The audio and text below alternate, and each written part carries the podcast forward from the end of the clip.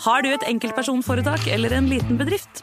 Da er du sikkert lei av å høre meg snakke om hvor enkelt det er å levere skattemeldingen med fiken, så vi eh, gir oss her. Fordi vi liker enkelt. Fiken superenkelt regnskap. Nyt sommerferien på Prime.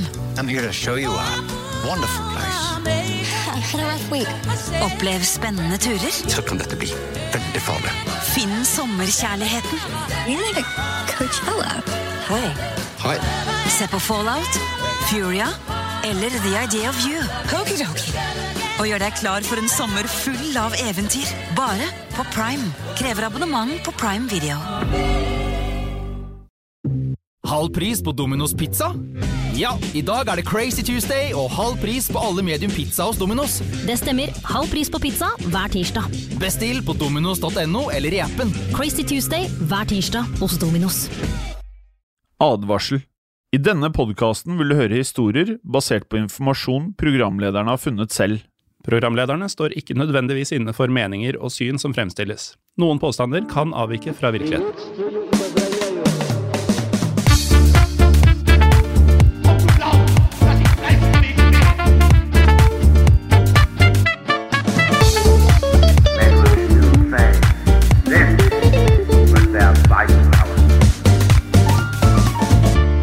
Hei og velkommen til en ny episode av Historiepodden andre verdenskrig. Mitt navn er Jim Fosheim. Og mitt navn er Morten Galaasen. Hei, Morten Galaasen. Hei, Jim Fosheim. Hvordan går det?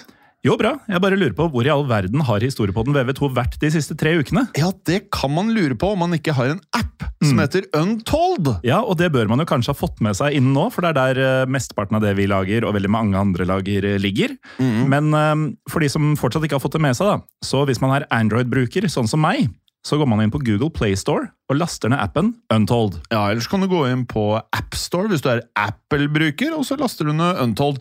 Og det er veldig lett å se den når du kommer inn der, for den er helt rosa. Ja, den skiller seg ut i mengden. Ja, den gjør det. Og det var jo kanskje litt av tanken når eh, de som lagde appen, lagde den og valgte farger. Ikke sant? Eh, Og er du blant de som eh, ønsker å browse deg frem til Untold? Ja, så browse, da! Da skriver du bare untold.app. Ikke sant? Og hva skjer når man først har appen hjem? Da kan du streame masse innhold uten reklame. Mm. Ja.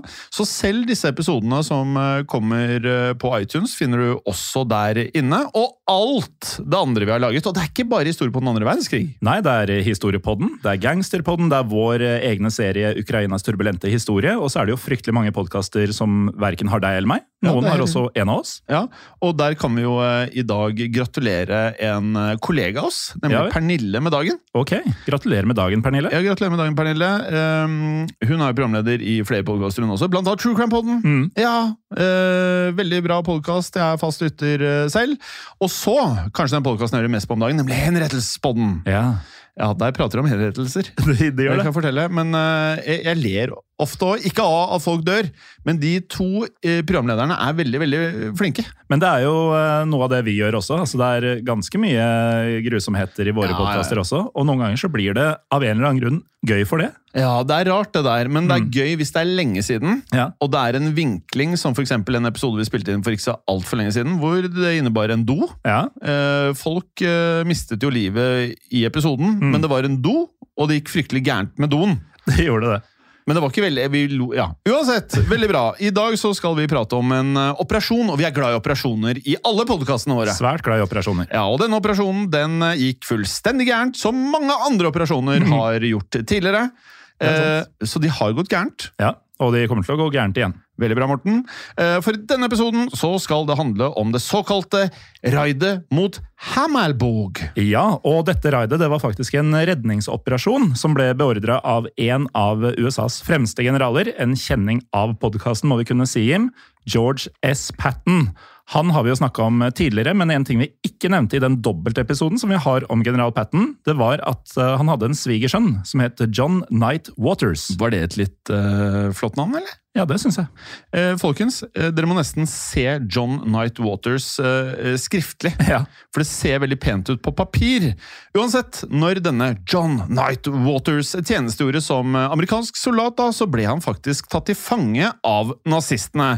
Og Derfor så beordret Patten et raid mot Hammelburg i et forsøk på å befri John fra nazistene. Og For å gjøre dette så oppretta Patten en spesialstyrke som fikk navnet Task Force BAUM. Her skrives BAUM med B-A-U-M.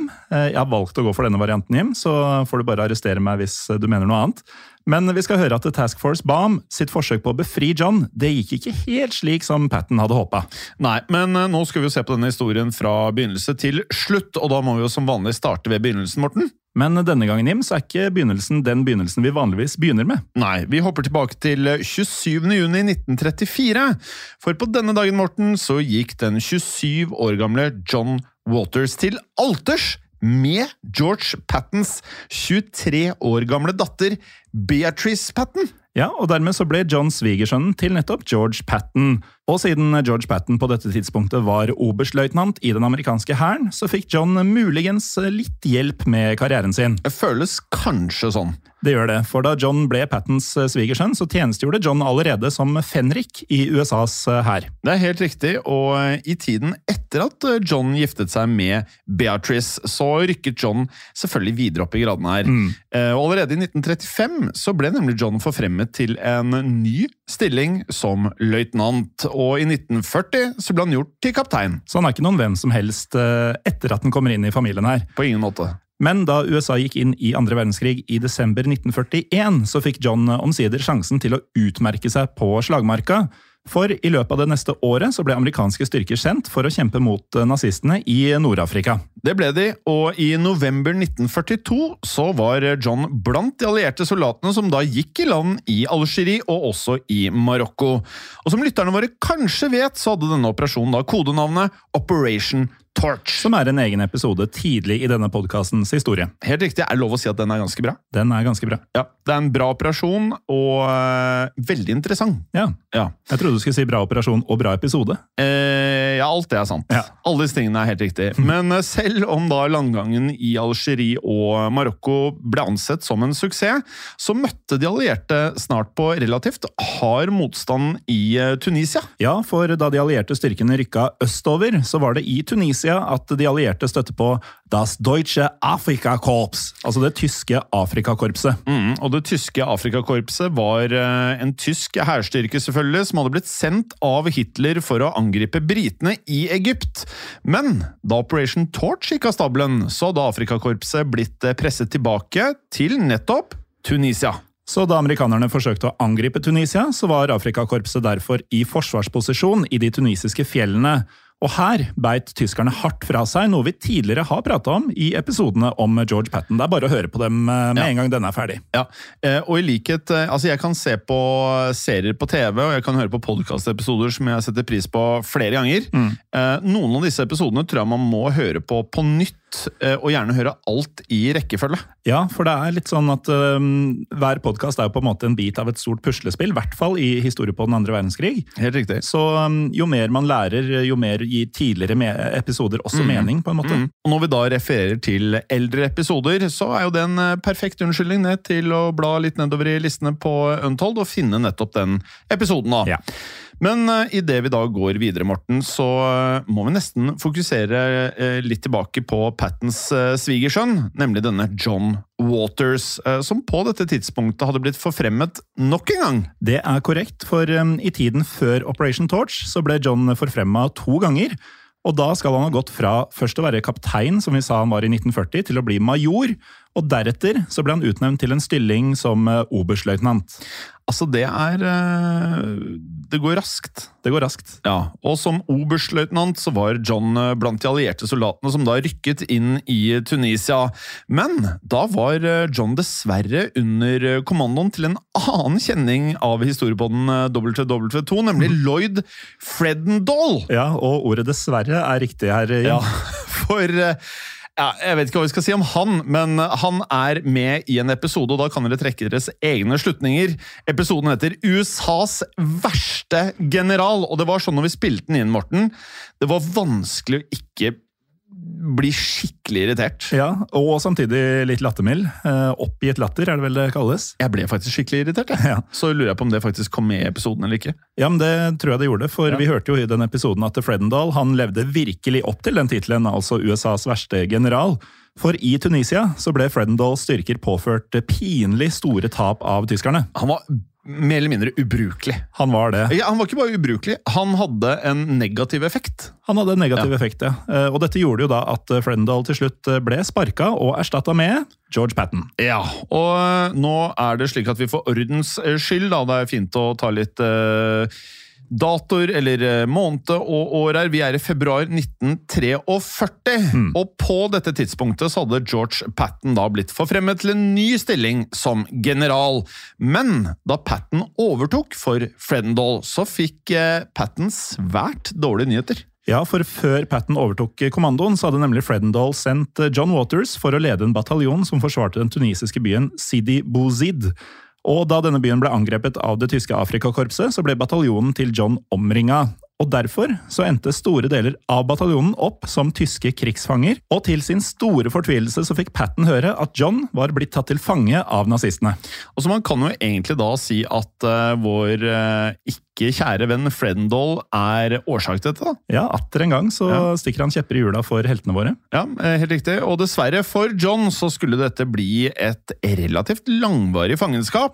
For eh, da han ble tatt til fange da, så ble John sendt av gårde til det tyskokkuperte Europa. Og i Europa så ble John sendt til det naziokkuperte Polen, der han endte opp i den tyske fangeleiren Offizierslager 64. Helt riktig. Eh, offiserslager 64, eh, som for øvrig lå i det nordlige Polen. Og som noen lyttere kanskje skjønner ut fra navnet, så var dette en fangeleir for nettopp allierte offiserer. For eh, på norsk så kan Offizierslager eh, oversettes til offisersleir. Den føler jeg de fleste tok, Det tror jeg. før du sa det. Mm. Ja, hvis ikke så må vi ha en liten chat. Ja. Nei, vi må ikke det. Jeg kan også føye til at Offisierslager 64 var forbeholdt amerikanske krigsfanger. Så da John ankom leiren i 1943, så fikk han derfor eh, ganske snart selskap av enda flere amerikanere. Og idet vi da tar oss til januar 1945, så hadde offisierslaget 64 blitt eh, fylt opp av eh, mange amerikanere. Så mange som 1471 stykker. Det er mange amerikanske soldater på ett sted. Det er det, noe som da utgjorde et eh, problem for tyskerne, ettersom da Sovjetunionen, altså Sovjets røde armé, på dette tidspunktet da rykket inn i Polen. Og før den sovjetiske hæren nådde offisierslager 64, så bestemte derfor nazistene seg for at fangene i leiren skulle marsjeres vestover til Tyskland. Og den 21. januar 1945 så begynte fangene og de tyske vaktene på det som ble en svært krevende ferd. For um, siden det var midt på vinteren, så skulle man ta seg gjennom både snø og bitende kulde. Og det var heller ikke snakk om noe kortvarig gåtur, Morten. Nei, Nei, for eh, sammen med de andre krigsfangene i offiserslager 64, så måtte nemlig John Waters da marsjere fra det nordlige Polen til eh, den sørtyske regionen Bayern. Og Hvis du da tar en, eh, og åpner Google Maps og finner en nordpolsk by som f.eks. Gdansk, og en bayersk by som f.eks. München, og sjekker avstanden der, så får du ganske mange dagers marsj. Og selve distansen her var på nesten 640 km, som tilsvarer nesten halvannen ganger Oslo-Bergen. Og Derfor så var det snakk om da en marsj som ville kreve flere uker til fots. Og i løpet av den tiden som fangene gikk, så var det dessverre flere amerikanere som ikke klarte seg. Visstnok så var det da flere amerikanere som eh, klarte å rømme i løpet av turen også, men vi forstår det sånn at eh, tyskerne de skjøt et betydelig antall amerikanere under marsjen. Og da marsjen omsider tok eh, slutt, så ble det estimert at ca. 400 fanger hadde forsvunnet eller dødd på veien til Bayern. Så den 10. mars 1945 så var det dermed bare ca. 1070 av disse 1471 fangene som ankom Bayern. Men heldigvis var John Waters blant de som nådde helskinna frem, og derfor havna John nå i en ny fangeleir som lå tre kilometer unna den bayerske småbyen Hammelburg, som eh, i 2021 hadde 10 000 innbyggere. Og leiren som John nå kom til, den het Offisierslager 13B, offiserleir 13B. Men da John ankom, så var forholdene ekstremt dårlige, og det vet vi takket være mm, Røde Kors. Ja, for den 25. mars 1945 så fikk Røde Kors faktisk lov til å inspisere denne offisersleir 13B. Og da konkluderte Røde Kors med at det var totalt 1418 amerikanske fanger i leiren. Men i tillegg så um, var det også da 3000 jugoslaviske offiserer som også ble holdt fanget i denne leiren, og da John ankom, så var de aller fleste av leirbrakkene dermed allerede fulle. Og Derfor så ble amerikanerne pressa inn i sju brakker, som inneholdt om lag 200 amerikanere per stykk. Og selv om vi ikke vet størrelsen på disse brakkene, Jim, så um, når man hører brakke, hytte, den type ting, og stue 200 mennesker inn der, man skjønner jo at eh, selv om det er en stor brakke, så blir det trangt om plassen. Er det lov å kalle det vi spiller inn i for eh, en type brakke? Kanskje, hvis vi er litt snille, holdt jeg på å si. Ja.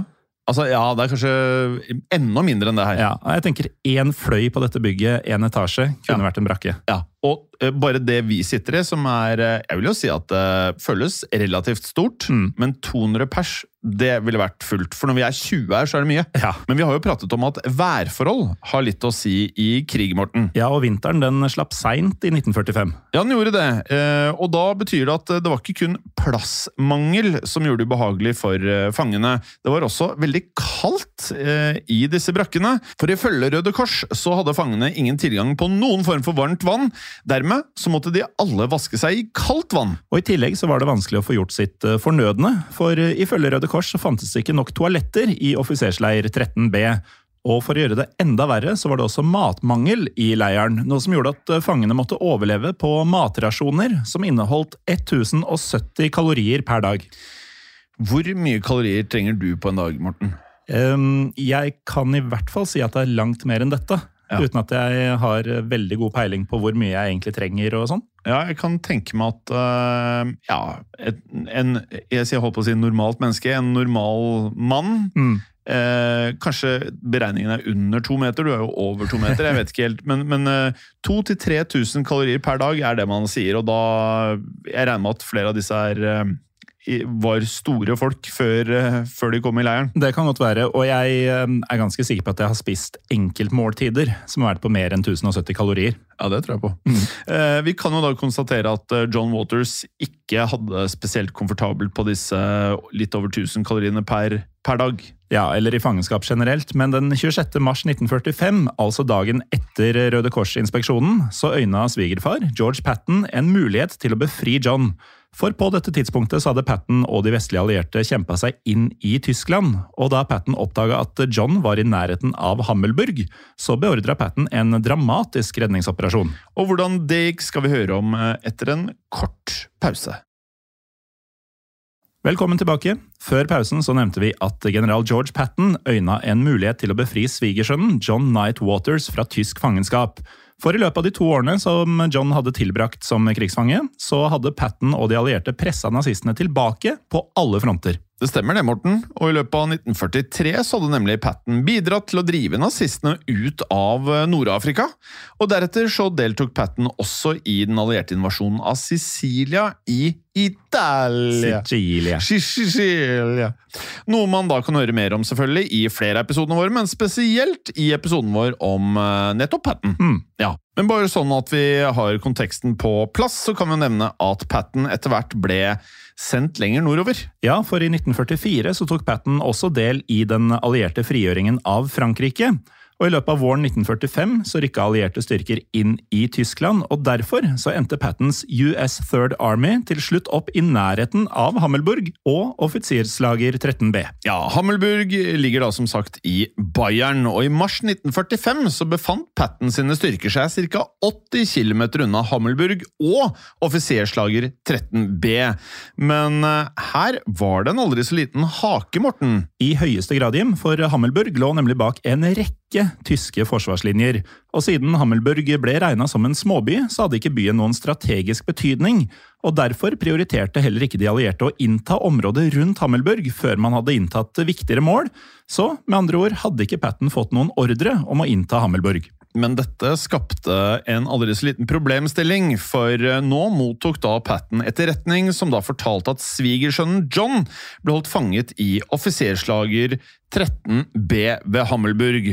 Og med det så sto jo nå da Patton plutselig overfor eh, følgende valg. Enten kunne Patton følge ordrene han hadde fått, som innebar å rykke videre frem uten å innta Hammelburg og offiserslager 13B. Eller så kunne Patton handle på eget initiativ ved å da sende noen av soldatene sine for å redde John og de andre fangene. Men dersom Patton beordra en redningsoperasjon, så ville det innebære en personlig risiko for han. For på dette tidspunktet hadde Patton ved flere tilfeller opptrådt som en løs kanon. I 1943 hadde han jo eksempel slått til noen av sine egne soldater. Ja, Det er ikke helt heldig, Morten. Nei. For da Patton besøkte sårede soldater i Sicilia, så møtte han to soldater som led av posttraumatisk stress. Og disse to soldatene de hadde ikke noen spesielt synlige skader på kroppen. Og med det så mente Patton at de simpelthen var å anse som feige. Litt annen tid, Jim. Litt annen tid. Og med det så klappet Patton til disse to soldatene, noe som resulterte i en skandale som nesten fikk Patton sparket fra den amerikanske hæren. Og til slutt var det bare takket være godviljen fra general Dwight Eisenhower at Patton fikk delta i invasjonen av France. For som noen lyttere kanskje vet, så var det Eisenhower som hadde tittelen Supreme Allied Commander Europe. Åh, for en tittel! Ja, og det er nesten synd at vi må oversette det, men vi må jo si at på norsk så blir det vestlige alliertes øverstkommanderende ja. i Europa. Ja, nei, det tror jeg ikke vi skal bruke igjen. Bare på engelsk. Det, det, kunne vært fra Star Wars eller noe sånt. Ja, eller Star Trek. Men da Eisenhower slapp Patten inn i varmen igjen, så skjedde det på én betingelse. Ja, én uh, ganske vrien betingelse å oppfylle for en som Patten, kanskje? Ja, for uh, Patten han måtte love å oppføre seg plettfritt. Ja. Og dersom Patten nå angrep offiserslager 13B kun for å redde sin egen svigersønn, så var det jo all grunn til å tro at Eisenhower ville bli svært misfornøyd. Ja, det er jo ikke plettfritt i det hele tatt å gjøre det. Med det sagt så bestemte Patten seg for hva han nå ønsket å gjøre, og da falt valget på å befri John og de andre fangene i offiserslager 13B. Jeg tror jeg hadde gjort det samme selv. Ja, jeg klarer ikke helt å sette meg inn i situasjonen, faktisk. Nei. Men det er jo en ganske menneskelig og naturlig ting å gjøre ja. når det er familie. Og det er jo tusen andre det er snakk om også. Ja, På samme tid, du går jo mot lederen din. Ja, det er vanskelig. Det er vanskelig. Ja, det er vanskelig. Men Patten han begynte da å organisere en redningsstyrke. Og mannen som fikk i oppgave å lede denne styrken, det var 24 år gamle Abraham Baum. Og derfor så fikk styrken det tidligere nevnte kodenavnet, nemlig Task Force Baum. Og da Baum satte av gårde den 26. mars 1945, så ga Patten han kommandoen over 314 soldater og totalt 57 kjøretøy. Og det er jo litt. Det er jo litt, og disse kjøretøyene besto av 16 tanks, 28 panserbiler og 13 jeeper og lastebiler. Er du enig i at det høres langt mer imponerende ut når vi sier 16 tanks, 28 panserbiler og 13 jipper, eh, enn når man sier 57 kjøretøy? Mye mer imponerende. Og vi kan jo legge til at denne jeepen det var en eh, liten to- eller fireseters eh, jeep, så det var ikke de største, men det er, jeg tror det er akkurat de man ser i alle filmer fra annen verdenskrig. Ja, og det er jo et tilbehør til disse 16 tanksene og 28 panserbilene. Helt riktig, men så fort Task Force Bomb da startet oppdraget sitt, så begynte Pattens plan å slå sprekker. For selv om Baum ledet disse 57 kjøretøyene, så fikk Baum kun tildelt 15 kart over lokalområdet. Ja, og da regner jo jeg meg i hvert fall fram til at det er over 40 kjøretøy som ikke har kart. Ja, og du har jo fremdeles ikke sett Band of Brothers, vel? Nei, ikke ordentlig. Nei, Det er jo eh, litt spesielt. Mm. Men eh, i starten der så er det en episode hvor David Schwimmer skal lede troppene eh, bare på eh, treningsfeltet. Eh, og det klarer han ikke. Nei. Og det er pga. kartproblemer. Mm. Og kartproblemer tror jeg det var mye av, eh, selv om du hadde kart. Ja, det var ikke bare David Schwimmer som hadde disse problemene, for eh, ingen av disse 15 kartene vi, viste nøyaktig hvor offiserslager 13B lå. Om og med det så måtte jo da Task Force Bomb regelmessig stoppe opp for å orientere seg, og dette skaper jo en rekke med utfordringer, selvfølgelig. Det gjør det jo, og mens Baum forsøkte å finne veien til denne fangeleiren, så ble soldatene hans utsatt for en rekke med tyske angrep. Disse angrepene skal ha vært såpass kraftige at flere av disse 57 kjøretøyene Baum hadde tilgjengelig, de ble satt ut av spill. Og Når det gjelder dette, så har vi dessverre ikke klart å finne detaljerte tall, men vi forstår det sånn at um, minst én av tanksene også ble ødelagt. Ja, for i løpet av natten 27. mars 1945 så klarte Task Force Baum likevel å slå seg forbi tyskerne, faktisk. Og da kaptein Baum kjørte videre, så spurte han diverse tyske sivilister om veien til offiserslager 13B. Og det var nettopp på denne måten at eh, Bohm omsider fant ut hvor leiren lå. Som andre ord, sivilistene hjalp Bohm. Det gjorde de, men det var fortsatt grunn til bekymring. For da Task Force Baum kjørte frem mot leiren, så la Baum og soldatene hans merke til eh, tyske rekognoseringsfly. Og mens eh, flyet kretsa over soldatene hans, så skjønte Baum at flyet ga de tyske bakketroppene informasjon om hvor styrken hans var på vei. Og det skulle snart få konsekvenser. Absolutt, men i mellomtiden så ankom da Task Force Bomb omsider offiserslager 13B. Og dette her, det her høres ut som et perfekt plott for å lage en bra film. Det gjør det. Åh, bare det der å følge et team som skal redde et annet team, bare der har du en bra film. Ja, og så har du denne faren som lurer da, med dette flyet som har eh, spotta dem. Og så har du general Patton som har trosset Eisenhower. Ja. Uh, uansett, dette her eh, skjedde i løpet av ettermiddagen 27. mars 1945, så igjen, det er ganske sent i krigen, dette her. Ja, det er bare halvannen måned igjen til det er slutt i Europa. Nettopp! Og da Baum sine 15 tanks omsider da dukket opp ved leiren, så la mesteparten av de tyske fangevokterne rett og slett på flukt. For eh, her var det da klinkende klart at fangevokterne de hadde ikke våpnene som skulle til for å hamle opp med disse tanksene. Og derfor bestemte den tyske leirkommandanten eh, Günther von Göckel seg for å inngå en våpenhvile med Task Force Bomb. Og jeg ønsker bare at alle lyttere er klar over hvordan dette navnet skrives. Det er Gunther, det er med TH selvfølgelig. Von, det er jo greit. Og så er det G-O-E-C-K-E-L. Ja. Gøkkel! Det er noen navn i dag, altså. Og apropos navn, så var det da John Knight Waters som var blant fangene som fikk beskjed om å megle frem denne våpenhvilen. Og dermed ble John og en liten gruppe amerikanske fanger sendt ut av leiren sammen med en ikke navngitt tysk offiser. Men nå, Morten, hvis dette ikke er nok Tarantino for deg Altså, Mm. det er en Tarantino-film. Det er jo det. Eh, men nå oppsto det enda flere komplikasjoner. For da John begynte å gå mot Task Force Bomb, så hadde ikke alle de tyske fangevokterne blitt informert om von Göckel sin plan. Og derfor så var det en av de tyske soldatene som begynte å skyte mot John. Og selv om vi ikke vet hvilket våpen det ble skutt med, så vet vi en ting med sikkerhet, og det er at John ble stygt såra i rumpa. Han ble det, for skuddet det skal ha gått da inn i hans høyre hofte, og rett og slett har gått ut gjennom venstre del av rumpa hans. Ja, og derfor ble John hjulpet tilbake til fangeleiren igjen, der han så fikk behandling fra en jugoslavisk fange, som også var lege. Ja, og til tross for dette så klarte leirkommandant von Guckel likevel å inngå en våpenhvile med kaptein Baum. Ja, og deretter skulle da Task Force Baum kjøre inn i selve leiren, altså inn i offiserslager 13B. Og som om det ikke hadde vært kaotisk nok allerede, så skulle Baum få enda mer å tenke på. Det fikk han, for eh, Baum innser nå at eh, mange av mennene hans skal ha blitt såret i kampene da med å komme seg gjennom forsvarsrekkene da på veien til offiserslager 13B. Igjen er det imidlertid litt uklart hvor mange soldater Baum nå disponerte, men eh, vi forstår det sånn at bare halvparten av de opprinnelige 314 soldatene hans var kampklare. Men da soldatene til Baum ble møtt av over 4000 jublende amerikanske og jugoslaviske krigsfanger, så fikk Baum et eh, relativt stort problem til. For ifølge informasjonen til Patten så hadde eh, det kun vært 300 fanger i leiren. Ja, og da må du jo gange det med 13 og vel så det. Men eh, planen var uansett ikke å redde alle sammen, han skulle bare redde de amerikanske. Ja, og det var jo mer enn nok det, for det var 1418 amerikanske fanger her. Og med det så gjorde Baum et raskt overslag i hodet sitt. Noe av det han fant ut var jo at han hadde altfor få kjøretøy eh, til å redde fangene, så han konkluderte da med at eh, bare ca. 200 fanger kunne fraktes tilbake til Pattens hær. Dermed måtte de resterende fangene velge mellom å enten ta seg til de amerikanske linjene til fots, eller å bli værende i fangeleiren. Men vi nevnte jo dette med at uh, de fikk jo ikke spesielt mye mat. Nei. Nei, og med det så var mange av fangene også underernærte.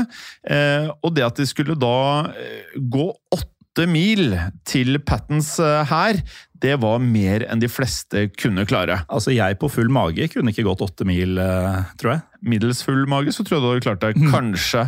Og Derfor så valgte mesteparten av fangene å rett og slett bli i leiren. Og Det høres jo kanskje litt rart ut, men jeg kan forstå det.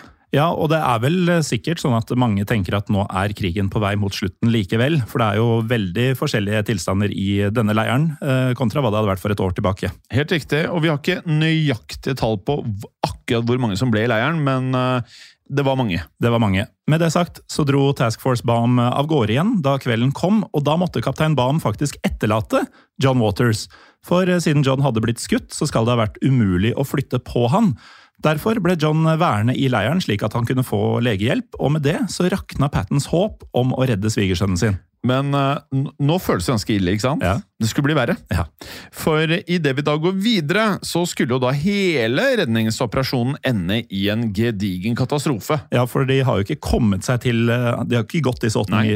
milene ennå. Nei, nei, nei, på ingen måte. Og vi nevnte jo at eh, Altså, vi må huske på nå Nå har jo Patten da trosset Eisenhower. Og han eh, fikk jo lov til å fortsette på det premisset om at det skulle være skulle, Nå skulle alt være plettfritt! Alt skulle være etter boka, og det er det jo allerede ikke, så da kan du jo bare håpe på at det i hvert fall går bra. Men det går ikke bra, Morten. For eh, vi nevnte jo at eh, Task Force Bomb de hadde blitt sett av et eh, tysk rekognoseringsfly.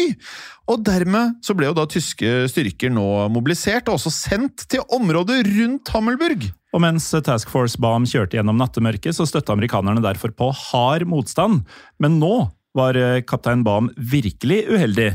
For ettersom det fantes en tysk infanteriskole i Hammelburg, så var det ca. 100 tyske krigsveteraner til stede i byen. Dette her er så Tarantino-film. Ja, Og det går så gærent. Altså, Alt som kan gå galt, går galt. Ja, og man tenker at dette kan jo ikke skje. Det kan jo ikke tilfeldigvis være 100 krigsveteraner i tillegg. I denne lille landsbyen Ja. på, som var 10 000 mann sterk i 2021, antagelig vesentlig mindre i 1945, Men de er her! De er der, og de var i ferd med å ta forskjellige offiserkurs. Og da veteranene fikk vite at Task Force Bam var i nærheten, så sørga de for å organisere et bakholdsangrep. Jeg kan nesten se for meg at Tarantino laget en film her, så hadde de, disse 100 De hadde gledet seg til det! Jo, men altså, de er der for å ta offiserkurs Ja, også, ja. om de har lyst til å vise seg verdige.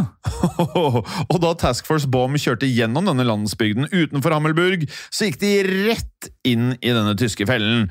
For da den fremste amerikanske tanksen kjørte frem da, langs en relativt smal vei, etter hva vi kan forstå, så ble da tanksen truffet av en eh, tysk Panzerfaust. Panzerfaust. Og en tysk panserfaust det er vel best eh, forklart som en type eh, bazooka. Ja. Eh, og når jeg spilte Medal of um, Honor-spillet på PlayStation, så kunne du få både bazooka og Panzerfaust. Men uansett om du dro fram en bazooka eller en Panzerfaust, så sa tyskerne i spillet nøyaktig det samme. Ja, det gjorde det. Og det var i praksis løp for livet. Han har en Panzerfaust. Ja, jeg vet. Og da dette skjedde, da, så bestemte dette tanksmannskapet seg for å flykte fra tanksen. Det skjønner jeg veldig godt. Skjønner det. Eh, og dermed så kunne tyskerne legge enda en felle. Før de neste amerikanske kjøretøyene dukka opp, så parkerte nemlig tyskerne den forlatte tanksen i hagen til et nærliggende hus. Og deretter så ble en engelsktalende tysker sittende i tanksen, mens han svarte på radioanrop fra resten av Task Force Bam. Og på denne måten så klarte denne tyskeren da som satt i tanksen å lokke flere amerikanske tankser frem i eh, åpent terreng. Det er en diabolsk plan. Ja, en diabolsk fangen. Altså, eh, det Felle. Ja, felle på tysk, ja. Mm. Eh, og da disse tanksene dukket opp, så fyrte tyskerne løs mot tanksene, noe som da endte opp med at minst fire nye amerikanske tanks ble satt ut av spill. Så allerede her så er dette en veldig bra fangen. Det er det, og mens dette skjedde, så brøt det ut fullt kaos i rekkene til Task Force Baum. Og Derfor forsøkte kaptein Baum å omgruppere soldatene sine ved å beordre en tilbaketrekning til en lokal bakketopp. Denne bakketoppen refererte amerikanerne til som Hill 427. Og Idet vi hopper til morgenen den 28. mars, så hadde restene av Task Force Baum tatt seg opp på Hill 427. Men på dette tidspunktet da, så innså nå Baum at styrken hans hadde altfor lite bensin til å komme seg tilbake til patten sin her. Jeg syns altfor lite er egentlig slagordet til hele episoden. Det er altfor lite varme i disse brakkene, det er altfor lite mat, det er altfor få kjøretøy, det er altfor få kart. ja. Nå er det for lite bensin. Ja, helt riktig, og derfor så bestemte amerikanerne seg for å da kjøre så langt de kunne, før de da måtte prøve å ta seg videre til fots. Eh, Men da Task Force Bomb satte av gårde, så hadde tyskerne brukt natten til å omringe Hill 427. Og her er det uklart hvor mange tyskere det nå var eh, snakk om, men det vi vet er at tyskerne skal ha åpna ild mot amerikanerne fra alle kanter, som jo er det man gjør når man først har omringa noen. Og da kaptein Baum skjønte at soldatene hans ikke kunne stanse det tyske angrepet, så kom han med en siste desperat ordre. Baum ga nemlig beskjed om at hver mann nå måtte redde seg selv. Og det er en eh, både dramatisk og ganske ekstrem ordre. Ja, det er virkelig siste utvei. Ja, siste utvei, og dermed så la jo da mesteparten av eh, de amerikanske soldatene på sprang inn i et eh, skogområde som var da i området rundt Hill 427. Og med det så kollapset nå Task Force Boom fullstendig. Eh, og vi kan vel her, Morten, konkludere med at eh, dette var å anse som en enorm katastrofe for Boom, og en også enorm suksess for eh, tyskerne. Ja, altså enorm, for ikke bare hadde tyskernes fangen lurt Baum, men nå skulle de fleste amerikanerne også bli tatt til fange. Men Baum selv han la på sprang og klarte utrolig nok å unnslippe som en av få amerikanere. Som selvfølgelig på mange måter var utrolig bra, da, men spesielt ettersom Bohm var jødisk. Ja, da ville du ikke bli tatt til fange av nazistene. Det ville du absolutt ikke, og vi forstår det som at eh, han selv fryktet for å bli henrettet på stedet dersom han ble tatt. Og derfor kasta Baum også fra seg det som på engelsk kalles dogtag, dette navnesmykket som da identifiserte han med fullt navn. Ja, og han skulle etter hvert også øyne muligheten til å komme seg videre, og forsøkte da å ta seg til fots mot Patten sin her. Og nå tenker kanskje lytterne at det kan ikke skje noe mer dramatisk eh, enn alt som har foregått allerede. Men da tar man feil. For Baum han får nå et eh, svært ublidt møte med en gruppe med Folkstorm-medlemmer. Og vet du hva Folkstorm er, Jim? Jeg tror ikke vi har snakka mye om dem i podkasten tidligere. Nei, jeg kan ikke huske at vi har pratet om det, men eh, jeg vet at folk betyr folk, men uh, mer vet jeg ikke. Nei, altså Folkstorm var um, en uh, milits med bevæpna tyske sivilister som skulle forsvare Tyskland mot slutten av andre verdenskrig. Ja, og da Baum støtte på noen av disse militsmedlemmene, så endte det med at han ble skutt og også såret i lysken. Og da har vi en situasjon nå hvor John han ble skadet i rumpa, og Baum ble skadet i lysken. Ja, og med det så endte Baum opp i tysk fangenskap, men eh, siden han da ikke kunne identifiseres ved navn, så skjønte ikke nazistene at han var jødisk. Og det tror jeg er heldig. Det tror jeg er heldig. I stedet for at Baum ble henrettet, så ble han derfor sendt tilbake til offiserslager 13B. Men eh, heller ikke her skulle Baum være lenge, for den 6. april 1945, kun ni dager etter at Task Force Bomb ankom leiren, så ble fangene i offiserslager 13B permanent befridd. Men det var ikke takket være Patten. Nei, det var det ikke, for på denne dagen så nådde nemlig USAs 14th Armored Division frem til leiren. Og det er, og det er så sterke navn! 14th Armored Division! Ja, og de tilhørte det som het eh, The US Sixth Army. Også sterkt. Også sterkt. Med andre ord så var det snakk om en annen hærstyrke som i motsetning til Pattens Third Army Også sterkt! hadde fått ordre om å innta området rundt Hammelburg. Altså, de hadde fått ordren, Patten hadde ikke. Og dermed så ble John Knight Waters også endelig frigjort etter å ha sittet i over to år i tysk fangenskap. Ja, Det er ikke alltid altså, Når man ser filmer og man hører om Patten eh, på skolen, så tenker man at eh, han var nesten som en helt. Ja, Men det, var, det er mye rør. Han var litt uh, uregjerlig. ja, Men selv om eh, Patten fikk eh, svigersønnen sin tilbake, så ble Patten nå stilt til veggs av selvfølgelig The Supreme Allied Commander of Europe, Dwight D. Eisenhower, som da selvfølgelig ledet alle styrkene her. For som vi nevnte, så hadde jo ikke Patten fått ordre om å angripe Hammelburg, og han hadde jo trosset The Supreme Allied Commander! Ja, og da Patten tilsynelatende risikert amerikanske soldater bare for å redde svigersønnen sin, så skal Eisenhower med rette ha blitt eh, rasende på Patten. Noe mindre hadde vært feil. Det hadde det. Og det som eh, kanskje irriterte Eisenhower mest, var at eh, Patten ikke bare hadde gjort dette, men at han hadde sendt for få soldater til å gjøre det. Noe som da resulterte i at nesten hele Task Force Baum gikk tapt. Det er riktig, det, for av Task Force eh, sine totalt 314 soldater, så ble nemlig 32 drept, mens 256 enten ble savnet eller tatt til fange. Og dermed så var det bare 26 mann da, som kom seg tilbake til Patten sin her. Ja, og hadde de i det minste hatt med seg fangene de skulle befri, så kunne det vært en litt mindre katastrofe, men det hadde de jo ikke. Nei, alt gikk gærent, og vi nevnte jo disse 57 kjøretøyene, Morten. Ja, det var ikke mange av dem som ble med hjemme heller. Nei, for eh, alle alle de 57 kjøretøyene til Task Force Bomb ble enten ødelagt eller tatt av tyskerne. Altså, Det er jo katastrofe alt sammen her. Ja. Og for å gjøre det enda verre, så ble nærmest alle de frigitte krigsfangene pågrepet av tyskerne igjen! Ja, så Patton han fikk jo en eh, mildt sagt kraftig skyllebøtte av Eisenhower. Men i møte med Eisenhower så unnskyldte Patton seg med at han beordret redningsoperasjonen ut av frykt for at krigsfangene ville bli skutt av tyskerne. Og heldigvis for Patton så endte det faktisk med at han fikk beholde jobben sin, selv om den ikke hadde blitt utført eh, plettfritt. Men her er det allikevel all grunn til å tro at Patten Patton først og fremst beordret da redningsoperasjonen for å redde svigersønnen, altså John. For i et brev til konen sin, som i likhet med datteren hans het Beatrice, så skrev Patton følgende. Jeg sendte en redningskolonne til et sted der John sies å være. Jeg har vært nervøs som en katt. Alle andre enn meg synes risikoen var for stor. Hvis jeg mister den kolonnen, blir det muligens en ny episode, men jeg skal ikke miste den. Men eh, du, nervøs som en katt, er de så nervøse? Aldri hørt det før. Jeg Ikke heller. Nei. Men, eh, han sa jo mye rart her, da. Ja, han At rart. det kunne bli en ny episode, muligens, hvis han mista kolonnen. Uh, det ble det jo i høyeste grad, og um, han skulle ikke miste den. Det gjorde han jo. Men det som er med Patton, han er på en måte han er litt, en, en spennende type. Han går sine egne veier, og han vet at han skaper kaos, men gjør det allikevel. Eh, igjen, lyttere, gå og hør episodene våre om Patton. Han er, veldig, han er en fascinerende type. Ja, Han levde et rikt liv. Veldig rikt.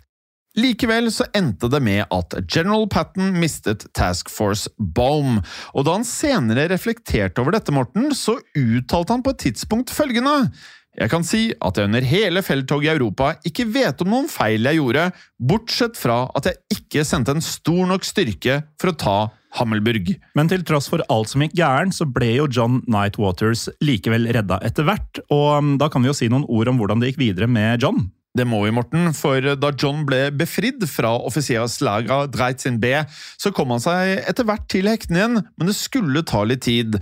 Eh, vi har forstått det som at han brukte omkring et år på å komme seg fra denne skuddskaden, og da annen verdenskrig tok slutt, så reiste han hjem til USA, der han ble gjenforent med konen sin, nemlig General Pattons datter Beatrice. Og selv om general George Patton døde i en bilulykke i desember 1945, så gikk karrieren til John svært godt gjennom de neste årene. For da han vendte tilbake til aktiv tjeneste i 1946, så ble han utnevnt til kommandant ved USAs mest prestisjefylte militærskole, West Point. Og I 1952 så ble John forfremmet til en stilling som eh, brigadegeneral, idet han da ble sendt til Korea for å tjenestegjøre under Koreakrigen. Men dessverre for John så var det også i 1952 at han mistet konen Beatrice. Den 24. oktober 1952 døde nemlig den 41 år gamle Beatrice Patton uventet av et hjerteinfarkt. Dermed ble John alenefar for de to sønnene som han hadde fått med Beatrice, og disse sønnene hadde for øvrig blitt oppkalt etter John og svigerfaren hans, general Patton. Ja, for sønnene het nemlig John Knight Waters jr. og George Patton Waters. Og den 9. januar 1989 så måtte da de to sønnene omsider ta farvel med sin far, for på denne dagen så døde John Knight Waters senior i en alder av 82 år. Men vi må også fortelle hvordan det gikk med en annen person som har vært sentral i denne historien, Jim, nemlig kaptein Abraham Baum. Ja, for Sist vi nevnte Baum, så ble han nemlig fanget og sendt til Offisierslager Dreitzen B.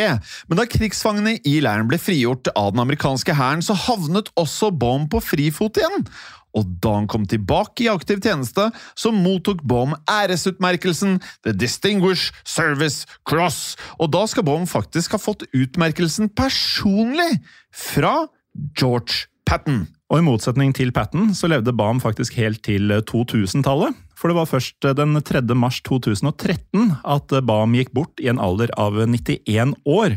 Men før Baum døde, så beskrev han opplevelsene sine fra andre verdenskrig i detalj. Og da skal Baum ha sagt dette om hva han tenkte da han ledet Task Force Baum til offiserslaget Dreitzen B. What the hell am I doing here? Og det er nok omtrent det samme spørsmålet Patton fikk av Eisenhower i dette møtet seinere. Hva dreiv dere med der? ja. Men eh, da er vi ferdig med denne, Jim. Men eh, vi er jo tilbake med en ny episode allerede til uka. Ja. eh, Da i appen Untold. Ja, og eh, hvis du lurer på hvor du får tak i denne appen, da, så går du, hvis du er Apple-bruker, inn på AppStore, og så skriver du bare Untold i søkefeltet. Ja. Laster ned appen, og så får du de første 30 dagene gratis. Og det nøyaktig samme gjør Android-brukere, bare i Google Playstore. Skriv inn Untold, last ned appen og bli bruker. Og hvis du er browset av deg, så skriver du bare untold.app i browseren din, og så laster du ned appen der også. Det gjør du. Og har du tilbakemeldinger og innspill til oss, så er vi på sosiale medier. Vi er Historiepodden Norge på um, Facebook og Instagram. Og så har vi gruppen vår på Facebook, som er Historie for alle. Og så kan du følge Morten på Instagram. Han heter Macho-Morten. Eller meg. Jeg heter Jim Fosheim. Eh, og med det, folkens, det kan kanskje virke som det ikke har skjedd, men det har skjedd. Og det kan skje igjen. Ha det bra. Ha det. Historiepodden ønsker å takke følgende. Dere som hjelper oss som sitter i produksjonen. Dere som hjelper oss som sitter i redaksjonen, inkludert eh, tekstforfattere. Det er Helt riktig. Og dere som sitter på marked, som faktisk da gir oss muligheten til å drive med Historiepodden. Og selvfølgelig alle dere som hører på. Tusen takk. Moderne media. Hei, Morten. Hei hjem. Og hei til deg som eh, hører på. I eh, dag så har vi en eh, stor overraskelse til dere alle sammen. Det har vi, for vi har bestemt oss for å gi dere som hører på en liten smakebit på hva man får med abonnement i Untold. Det er helt riktig, men hva er Untold, Morten? Jo, Untold det er en app der du kan høre en rekke podkaster, eh, flere titalls podkaster, helt uten reklame. Det er riktig, og ut mai måned så kan du derfor da høre episoder som du vanligvis kun hadde funnet i appen Untold. Ja, for eh, som Untold-kunde så får du nemlig en ny, reklamefri episode av Historiepodden andre verdenskrig hver eneste uke hele året. Ja, og i Untold så får du også ukentlige episoder av Henrettelsespodden og Historiepodden blant flere, samt også da miniserier som Gulltransporten og Historien om Henry Rinnan. Og apropos Historiepodden, Jim, så er det snart eh, 17. mai. Og i Historiepodden så vil man kunne høre episoden om torgslaget i Kristiania i forbindelse med nettopp eh, den datoen. Og det er en episode som alle bør få med seg. Jeg tenker det, og skulle du som hører på nå sitte igjen og tenke at du veldig gjerne vil høre en episode av Historiepodden andre verdenskrig hver eneste uke, så er da, som du helt sikkert skjønner, Untold en mulig løsning for deg. Det er helt riktig. Da går du inn på AppStore eller Google Playstore og laster ned Untold. Eller du går til untold.app i nettleseren for å starte ditt abonnement i dag. Ja, og har du ikke gjort dette før, Morten, så er det faktisk sånn da at du får hele første måneden helt gratis! Ja, eh, og det har skjedd. Og det kan skje igjen. Hei, Fredrik og Bjørn Henning her. Vår nye podkast Fordomspodden den er ute nå. Podkasten der norske kjendiser møter seg selv i døra. Har Kristin Gjelsvik alltid drømt om å lære seg å jodle? Ler Stig-Henrik Hoff av eventyret Askeladden som kappåt med trollet? Bytter Katrin Sagen dobørste minst to ganger i året? Og har Didrik Solli Tangen sunget My Heart Is Yours som nattasang for barna sine? Hver uke blir nemlig én ny gjest konfrontert med både store og små fordommer i vårt forsøk på å komme til bunns i hvem de egentlig er. Du kan høre Fordomspodden hvor enn du lytter til podkast. Klokka er sju om morgenen. Tirsdag den 9. april 1940. Det er en telefon som ringer. Det er hjemme hos banksjef Andreas Lund på Lillehammer. Andreas Lund tar telefonen, og den som ringer, er sjefen hans. Det er sentralbanksjef i Norge, Nikolai Rygg. Rygg forteller Andreas Lund at Norge er i ferd med å bli invadert av tyskerne. Nå gjelder det å få reddet Norges gullreserve. Så lett skulle det ikke bli. Gulltransporten. Den utrolige historien om hvordan Norge så vidt klarte å redde Norges gull unna tyskernes klør. Gulltransporten er en miniserie som tidligere har blitt publisert i Untold. Men ut mai vil du få tilgang til denne, samt en rekke andre miniserier og ukentlige episoder av Moderne Medias podkaster. Hvis du liker det du hører, bør du laste ned Untold, eller gå til untold.app for å starte ditt abonnement i dag.